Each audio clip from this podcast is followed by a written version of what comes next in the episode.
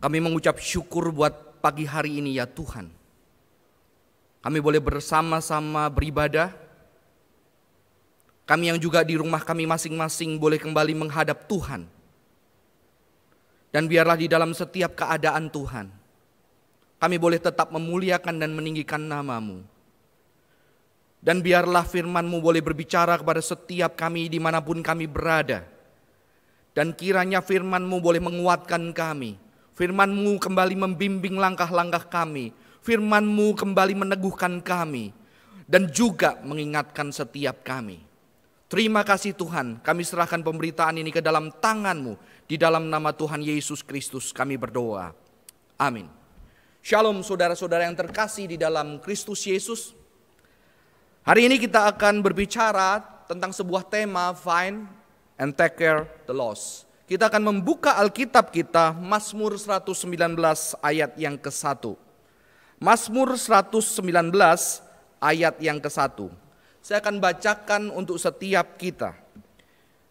Mazmur 119 ayat yang ke-1.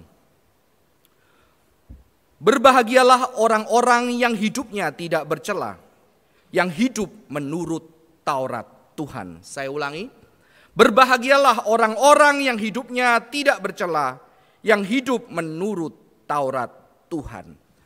Saudara-saudara, kita hidup di dalam dunia yang melatih kita untuk membandingkan seorang dengan yang lain. Kita dilatih untuk setiap hari ketika kita membuka sosial media kita, sekalipun kita di rumah masing-masing, kita melihat orang lain, ya. Terutama di masa pandemik ini hari ini kita sudah melihat teman-teman kita yang pergi keluar kota, liburan, menginap di hotel yang bagus begitu. Dan itu membuat kadang-kadang membuat kita resah.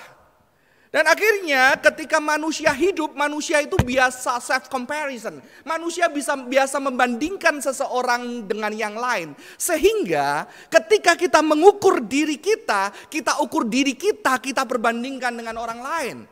Maka ketika kita punya anak yang sekolah, ketika nilai dia bagus sekali, nilai dia 90 dan ternyata teman-teman dia kebanyakan 91, dia tidak akan puas dengan 90 itu saudara-saudara. Tetapi sementara ketika nilai dia 50 dan seluruh temannya 50 dia merasa aman, ya. Dia merasa aman, it's okay papa. Kenapa? Semua 60, semua 50. Atau mungkin nilai dia 61 dan temannya semua 50 dia bilang, wow itu lebih bersuka cita, lebih bahagia ketika dia dapat 90 dan teman-temannya 90. Ya. Ini adalah sesuatu budaya yang sangat berbahaya saudara-saudara. Mengapa? Karena ketika kita self comparison, kita bisa kehilangan diri kita. Saya tahu di masa pandemik ini banyak gereja juga panik. Panik kenapa? Ketika gereja tidak ada aktivitas, kita dipaksa berhenti dan kita dipaksa berjumpa dengan keadaan yang betul-betul tidak pernah kita alami. Kila mungkin menjadi ketakutan. Ketika kita menjadi ketakutan, kita buka sosial media kita, kita lihat gereja A, gereja B, gereja C, gereja D, dan kita mulai panik gereja gue bagaimana? Dan kita langsung teriak, ayo kita lakukan sesuatu, lakukan sesuatu. Gereja A lakukan ini, gereja B lakukan ini, gereja C. Dan akhirnya kita mau lakukan semua. Di situ justru kita kehilangan diri kita. Saudara-saudara, self comparison ini berbahaya ketika seorang anak atau diri kita tidak mempunyai core yang kuat, kita justru malah kehilangan diri kita.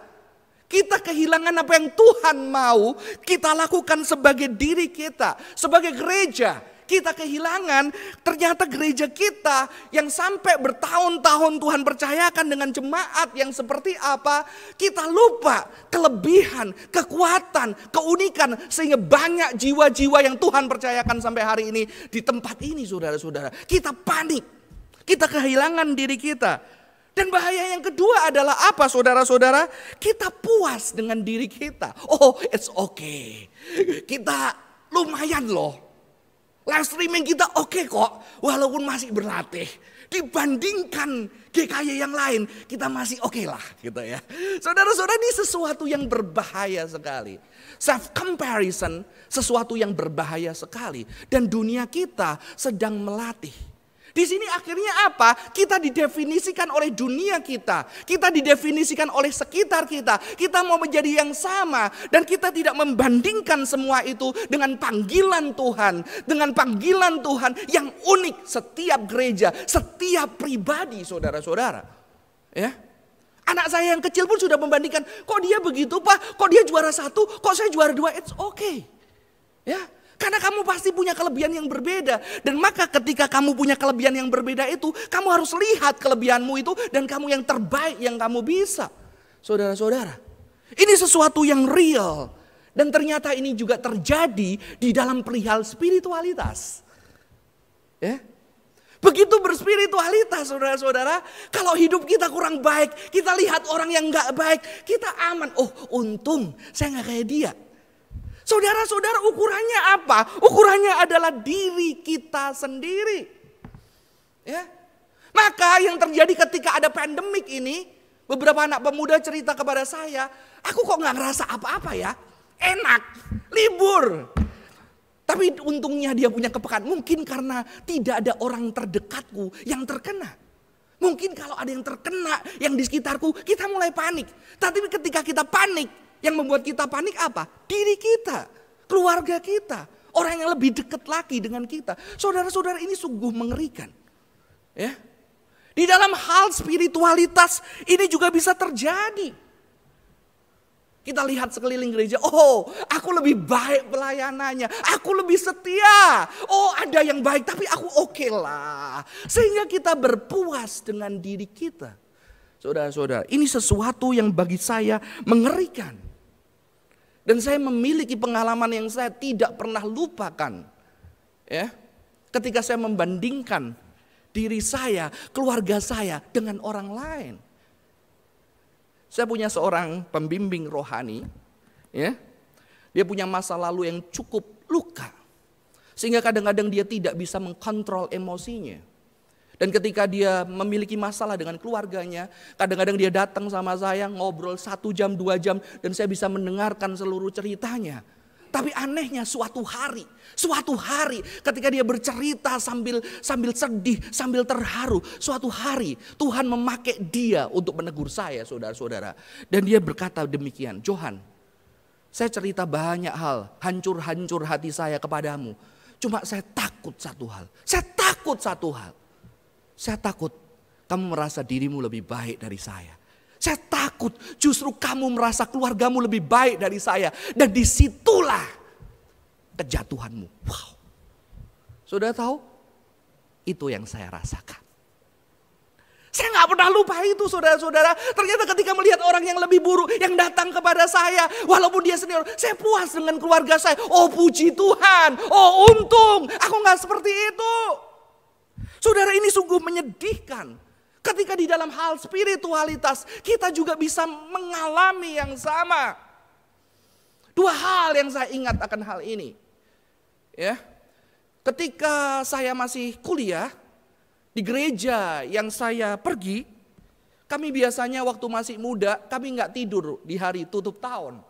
Dan di hari tutup tahun itu, ketika pintu gereja gerbang ditutup, saya melihat ada seorang dengan lang langkah yang gontai, yang goyang. Dan tahu-tahu dia bersujud di depan jalan raya di depan gereja kami. Dan begitu dia bersujud, dia teriak-teriak, Yesus ampuni aku. Dia lihat salib di depan, Yesus ampuni aku, Yesus. Dan dia menangis seperti anak kecil. Dan ternyata dia ada bau minuman di mulutnya. Akhirnya keluarganya dipanggil untuk menyeret dia dari paksa di depan aspal keras gereja. Diseret, dipukul, memalukan. Waktu saya melihat itu, mungkin keluarganya malu. Tapi itu mengoyak hati saya. Biasanya katanya kalau orang dipengaruhi alkohol, dia lebih nggak ada malunya dan lebih jujur saudara-saudara. ya Dan saya membayangkan, kalau bayangkan, saya tidak suruh, saya tidak meminta seluruh orang di gereja mabuk saudara-saudara. Tapi ketika orang-orang yang di gereja termasuk saya, ketika saya di dalam kondisi yang seperti itu. Apakah saya datang ke gereja dan saya berteriak di depan pintu gereja, Yesus ampuni aku. Dan saya berkata mungkin saya tidak.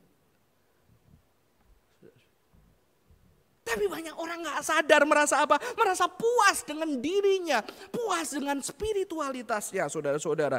Dan kita bisa kehilangan diri kita di dalam spiritualitas ini, saudara-saudara. Saudara-saudara, pertanyaan yang pertama, begitu kita berbicara tentang find and take care the loss, apa? Saya akan kembali mengulang walaupun ada tema yang loss ini banyak. Saya coba melihat dari perspektif lain. Who are the lost? Siapakah yang terhilang? Pertanyaan pertama, saudara-saudara. Biasanya kita akan melakukan, aku sudah ditemukan. Aku oleh anugerah Tuhan sudah menjadi orang percaya dan aku sudah dipertemukan. Sekarang aku melihat banyak di sekitar gereja, banyak keluargaku, banyak teman-teman kerjaku, banyak teman-teman main sepedaku, banyak teman-teman main basketku, banyak orang di sekitarku, bahkan pembantuku. Mereka adalah orang-orang yang hilang itu dan mereka butuh kasih Tuhan yang disampaikan melalui aku. Saudara-saudara, Biasanya kita sebagai orang Kristen berpikir seperti ini. Ada orang yang harus ditemukan dan diperhatikan. Dan orang-orang itulah di luar kita, bukan di dalam gereja. Tapi pertanyaan saya, apakah benar seperti itu saudara-saudara? Apakah benar orang yang terhilang itu adalah orang di luar sana? Ya. Setelah khotbah saya jadi, saya baru berpikir, oh udah banyak khotbah yang los yang lain ya.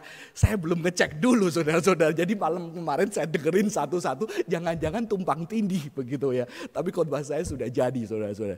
Dan saya tersentuh sekali, kenapa? Karena Pak Yuso ya, beberapa minggu lah yang lalu, ternyata ada orang yang bisa hilang di gereja. Dan saya amin.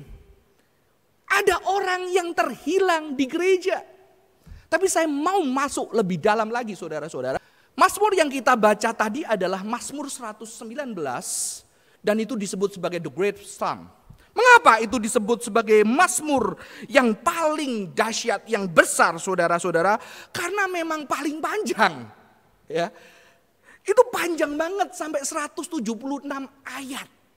Dan luar biasanya saudara-saudara, di Mazmur ini itu ada landasan puisi dan retorika yang begitu konsan yang menekankan akan firman Tuhan ya akan Taurat Yahweh. Jadi 119 Mazmur ini itu ada 176 ayat itu banyak berbicara tentang Taurat, Taurat, Taurat, Taurat, Taurat.